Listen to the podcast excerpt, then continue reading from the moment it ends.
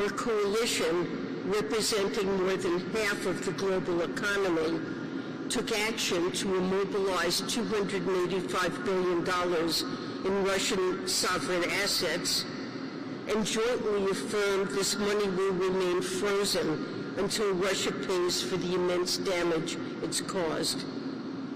My European colleagues have now taken an important first step to harness windfall proceeds from Russian sovereign actions. That's an action I fully endorse.